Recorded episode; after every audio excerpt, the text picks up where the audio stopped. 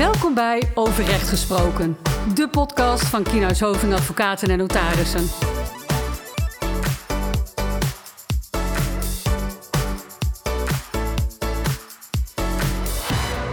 We zijn weer live. Ja. Uh, waar gaan we het er vandaag over hebben? Het thuiswerkadvies, waar we ons vandaag niet aan houden overigens. Want anders kunnen we geen podcast opnemen, maar we zitten wel keurig op anderhalve meter. Zo is het. Uh, ja, want we hebben er weer een, een dringend thuiswerkadvies. Uh, vorige week tijdens de persconferentie zijn we daarover uh, ingelicht. Je hebt er ook al een mooie blog over geschreven. Ja. Um, met wie gaan we het daar vandaag over hebben? Met Christian Moetloe, advocaat arbeidsrecht bij Kienhuis Hoving. En Joost van Ruiven, ook advocaat arbeidsrecht bij Kienhuis Hoving. Ja, aanleiding is dus de persconferentie, het thuiswerkadvies. We hebben het al eerder gezien. Um, hopelijk zijn we er hierna uh, een keer vanaf. Maar daar lijkt het nog niet op. Um, dus we hebben ermee te maken. Um, dat betekent ook dat wij er vragen over krijgen en best wel veel. Ja. Uh, veel werkgevers worstelen er toch mee. Uh, hoe moeten we dat nou vormgeven? Um, en uh, wat zijn nou precies de rechten en de plichten van mij als werkgever en van mijn werknemers?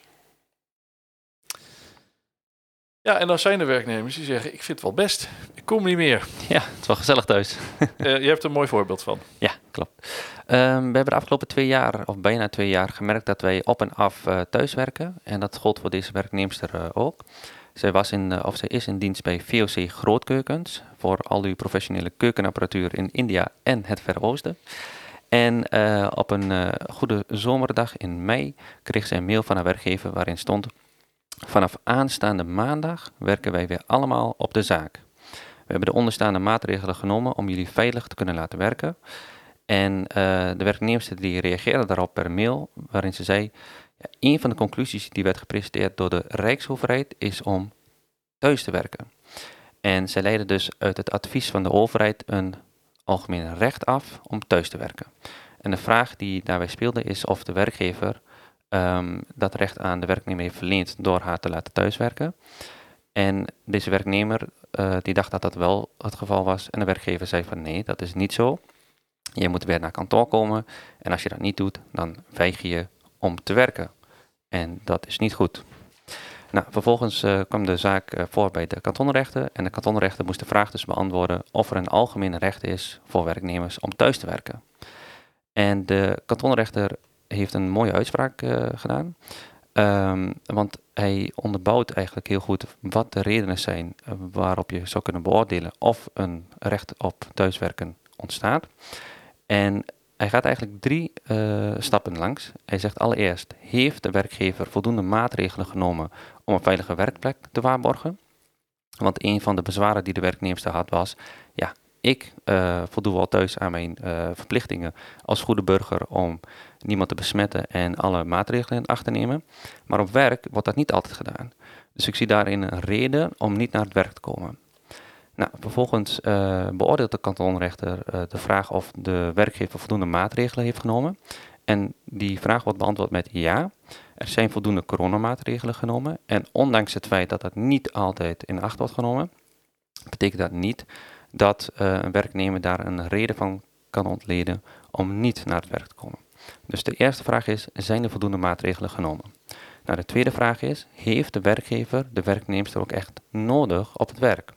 En ook in dit geval zegt de kantonrechter ja, want uh, het werk dat deze werknemers uitvoerde was het uh, behandelen van pakketjes, van bestellingen en het begeleiden van collega's. En uh, op, een, ja, op een normale dag weet je niet hoeveel bestellingen binnenkomen of de dag ervoor binnenkomen. Dus uh, op dezelfde dag moet een, ja, een groot aantal pakketjes bezorgd worden en ingepland worden. Dus zij is nodig op de werkvloer. En ten derde, was er geen overeenkomst tussen partijen die de relatie over thuiswerken bepaalde. Dus het enige waar de werknemers vanuit kon gaan was het algemeen advies van de overheid. Dus de kantonrecht komt tot de conclusie dat een werknemster of een werknemer geen algemeen recht kan ontlenen aan het feit dat de overheid zegt: Goh, um, wij proberen in het kader van de coronamaatregelen zoveel mogelijk het virus uh, in te dammen. En daarom moet men thuiswerken, voor zover dat kan. En dat betekent nog niet dat een werknemer een algemeen recht heeft om thuis te werken.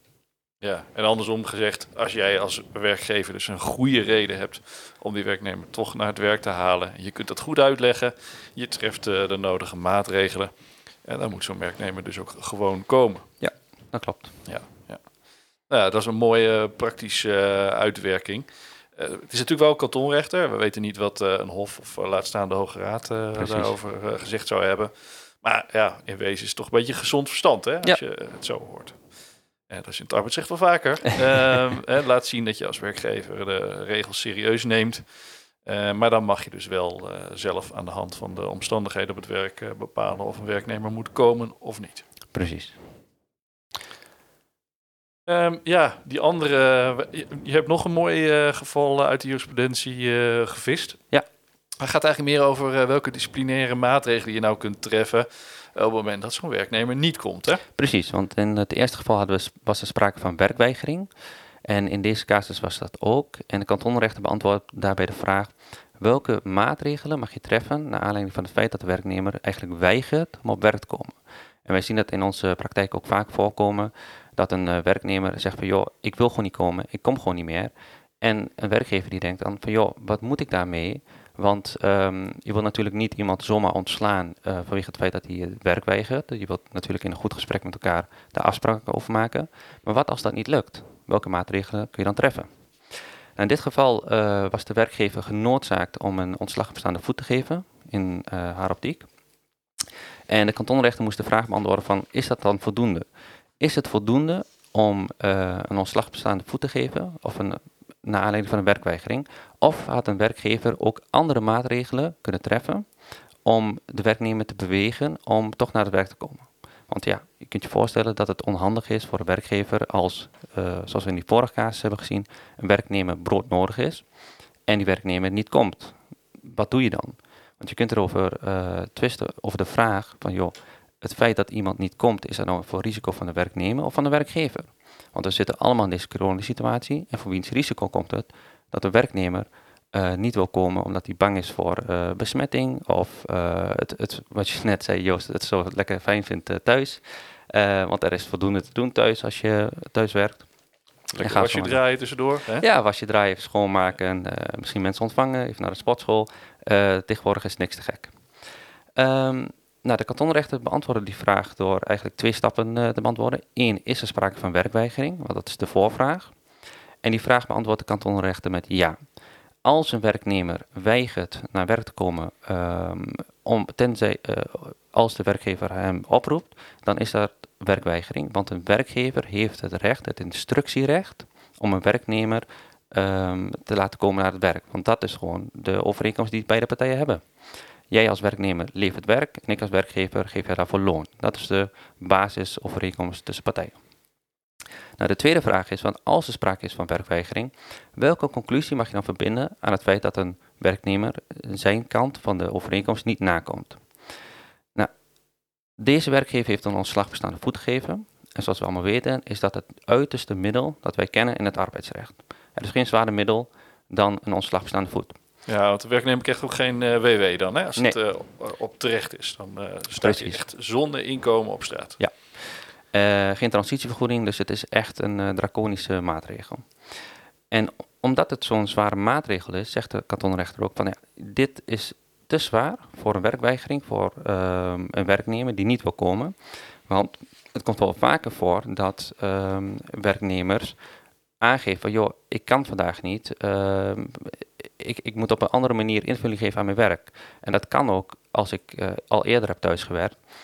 Dus ik zie ook geen reden om vandaag echt te moeten komen. Dus je kunt je voorstellen dat een werknemer bepaalde ja, aanspraken kan maken op een soort van coulante houding van een werkgever.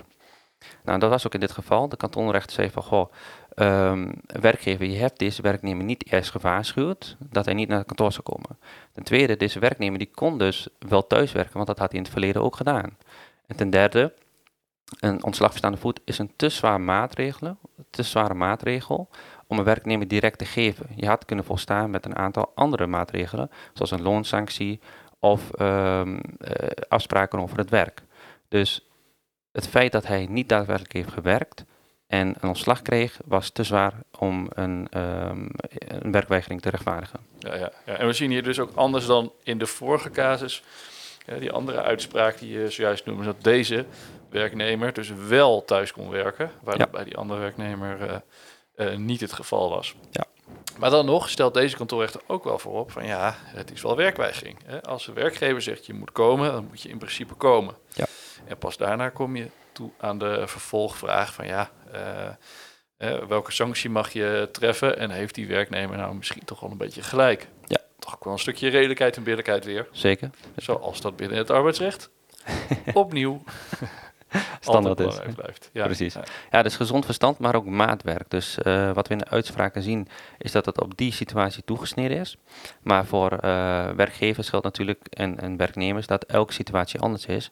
En dat het daarom ook goed is om eh, eigenlijk advies in te winnen van, goh, wat kan ik in deze situatie? Dus het algemeen feit dat wij, dat we ook hebben gezien met het algemeen recht op thuiswerken niet bestaat. Zo is er ook geen algemene oplossing voor elke situatie. Dus het is altijd goed om naar de situatie te kijken, wat speelt er? En dan bij een ontslag verstaande voet is dat natuurlijk sowieso het geval. Dat je ook moet kijken naar de persoonlijke omstandigheden. ja. ja, en in dit geval hè, hadden wij wellicht geadviseerd om te zeggen van joh, leg nou even goed aan die werknemer uit waarom het nodig is dat hij eh, Ja. naar het werk komt. En dus in dit geval niet kan, eh, kan thuiswerken. En ook wat van tevoren wat de sancties zouden zijn op het moment eh, dat hij niet zou eh, verschijnen. Hè, had je dat hier goed uitgelegd en gewaarschuwd van joh, let op, als je niet komt, dan, eh, dan overwegen we om, om jou op bestaande voet te, te ontslaan. Precies. Had wellicht wel stand gehouden. Een gewaarschuwd mens stelt voor twee, Zo is het. voor rond arbeidsrecht. Ehm, en dan hebben we nog een derde uitspraak. Ehm, en die gaat eigenlijk over de vraag, heel kort, eh, wat de gewone arbeidsplaats eh, is. Want je kunt je voorstellen dat als een werknemer een jaar, twee jaar, misschien wel drie jaar, je verwees er net al naar van we weten niet waar het eindigt, eh, thuis werkt, wordt dan de plaats waar hij gewoonlijk zijn arbeid verricht, dan ook zijn woonadres. En dat maakt nogal verschil, want als iemand in Zwolle werkt, ehm, maar eh we zeggen in Hengelo woont of eh, in Amsterdam werkt, bij wijze van, maar in Utrecht woont, dan betekent dat de rechten van de werknemer en de kantonrechter die die eh, moet afzoeken, dus die bevoegd is om over het geschil te beoordelen, ehm, wijzigt. Want er geldt dan natuurlijk een andere rechtbank. Ja, binnen het, binnen het arbeidsrecht hebben we wel meer van die elementen waarbij de, de, de, plaats waar de werkzaamheden worden verricht bepalend is voor eh, ja, bepaalde rechten. Of eh, bij het UWV zien Ja. we dat, de werkingssfeer, eh, de werkgebieden van het UWV. Ja. eh, maar natuurlijk eh, welke kantonrechter is bevoegd. Precies.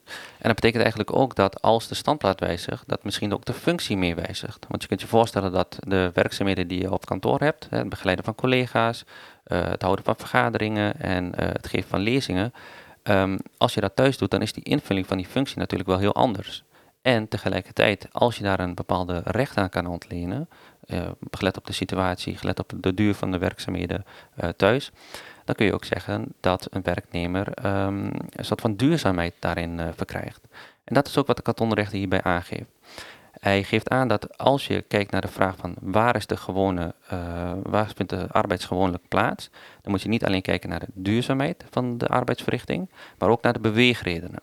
En wat we nou vaak zien is, eh, omdat wij gewend zijn om in deze coronatijd eh, samen te werken, thuis te werken en noem maar op, en vaak een overeenkomst eh, wordt gesloten tussen partijen, en wij adviseren dat ook vaak, zodat ehm, de, ja, eigenlijk de verhouding tussen partijen wat duidelijk wordt. Welke rechten heb je als werknemer, welke verplichtingen heb je, en welke controlemaatregelen mag een werkgever nemen ehm, op de werkplek. Nou, daar komen we zo meteen nog even over te spreken. Maar de kantonrechter geeft dus eigenlijk aan dat de uitgangspunt is dat de standplaats die partijen in de arbeidsovereenkomst overeenkomen. Dat is de plek waar de arbeid gewoonlijk wordt verricht. En als daar een tweede overeenkomst in wordt gesloten, een thuiswerkovereenkomst, dan kan het een indicatie zijn dat de thuiswerkplek eh, de plek is waar gewoonlijk het arbeid wordt verricht. En in dit geval was, dat, eh, was er geen overeenkomst eh, de grondslag aan de verhouding. En waren de eh, maatregelen van tijdelijke aard eigenlijk de aanleiding voor het thuiswerken. En kwam de kantonrecht tot de conclusie dat er geen standplaatswijziging was doorgevoerd. Ja, dit, dit zien we eigenlijk bij de meeste werkgevers doen het zo. Hè? Er komt een advies en de maandag daarna dan eh, volgt er een mail van, eh, van PNO. Eh, Ja. Vanaf nu werken we allemaal thuis. Zo is het. Lekker Ja. simpel. En dat was hier waarschijnlijk ook het geval. Precies, precies. Goed, ja, dat, uh, dat zijn dus drie van die, uh, van die situaties uh, waarmee we de laatste tijd regelmatig worden geconfronteerd. Die zien we dus ook terug in de landelijke rechtspraak. Ja, nogmaals, dit zijn allemaal uitspraken van kantonrechters, erg casuïstisch. Dus je moet ook steeds echt kijken naar de omstandigheden van het geval. dat is altijd al zo, maar dat geldt natuurlijk ook voor, voor deze zaken. Maar we hebben er wel een aantal zaken die we, uh, naar aanleiding van mede deze uitspraken, uh, die we eruit halen. Een paar tips. Ja, sluit altijd af met uh, tips en tops. Wat kunnen werkgevers het beste doen? Um, de thuiswerkregels verschillen niet heel erg veel van de regels die werkgevers moeten navolgen, naleven op de werkplek. Dus de arbeidsomstandighedenwet en het besluit dat daarbij hoort, die schrijven voor dat de werkgever altijd een zorgplicht heeft naar zijn werknemers. En in dat kader is het goed om op de thuiswerkplek te zorgen dat de inrichting daarvan ergonomisch is. Met andere woorden, dat een werknemer regelmatig en actief geïnformeerd wordt over het gezond werken en de inrichting daarvan. Bijvoorbeeld door middel van werk, uh, beeldscherminstructies, um, infographics en uh, het controleren van de werkplek. Nou, dan moet dat uiteraard met uh, toestemming van de werknemer. Hè? Ja, want dat is nog spannender. Ja, je, het is natuurlijk niet de bedoeling dat je zomaar zonder dat je daar afspraken over maakt, op een dag komt, uh, komt aanbellen als werkgever en zegt van nou, ik, ik kom eens even kijken hoe dat er allemaal uh, uit, ja. uitziet bij jou thuis. Precies. Ben je wel aan het werk en hoe ziet de, de eettafel eruit bij wijze van? Precies. Ja. Nee, dat mag je dus eigenlijk niet aan werknemers zomaar overlaten. Je moet daar goed, goede afspraken over maken en eigenlijk ook periodiek controleren. En dat kan bijvoorbeeld door een checklist op te sturen. dat kan door informatie te geven en door aandacht te schenken in de risico-inventarisatie en evaluatie. namelijk te kijken naar de fysieke en psychische belasting. Want werkgevers die kunnen natuurlijk ook aansprakelijk worden gesteld voor een RSI, voor rugbelasting, voor nekklachten en ga ze maar door. En dat moet natuurlijk voorkomen worden. De meeste uh, arbodiensten hebben daar inmiddels ook wel beleid uh, ja. op, uh, op gemaakt. Dus het kan echt geen kwaad om even een telefoontje naar de arbodienst te doen. Van hoe pas ik dit toe binnen, binnen mijn bedrijf. Precies. En de juridische regels, daar kunnen wij natuurlijk ook hartstikke goed bij helpen. Zeker. Zo is het.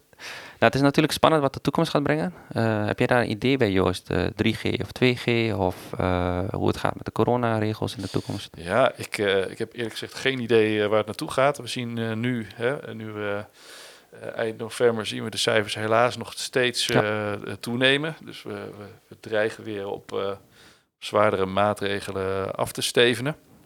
en de bedoeling is ook eigenlijk dat we gaan proberen met periodieke podcasts ja. om, uh, om die actualiteit steeds, uh, de juridische kant daarvan, om die steeds naar voren te brengen. dus wij vrezen dat deze podcast wordt vervolgd. Ja, strenge winter komt eraan. 3 december gaan we het horen, mogelijk eerder. en dan hoort u weer van ons. Zo is het. Bedankt voor het luisteren. Ja, en dan tot de volgende keer.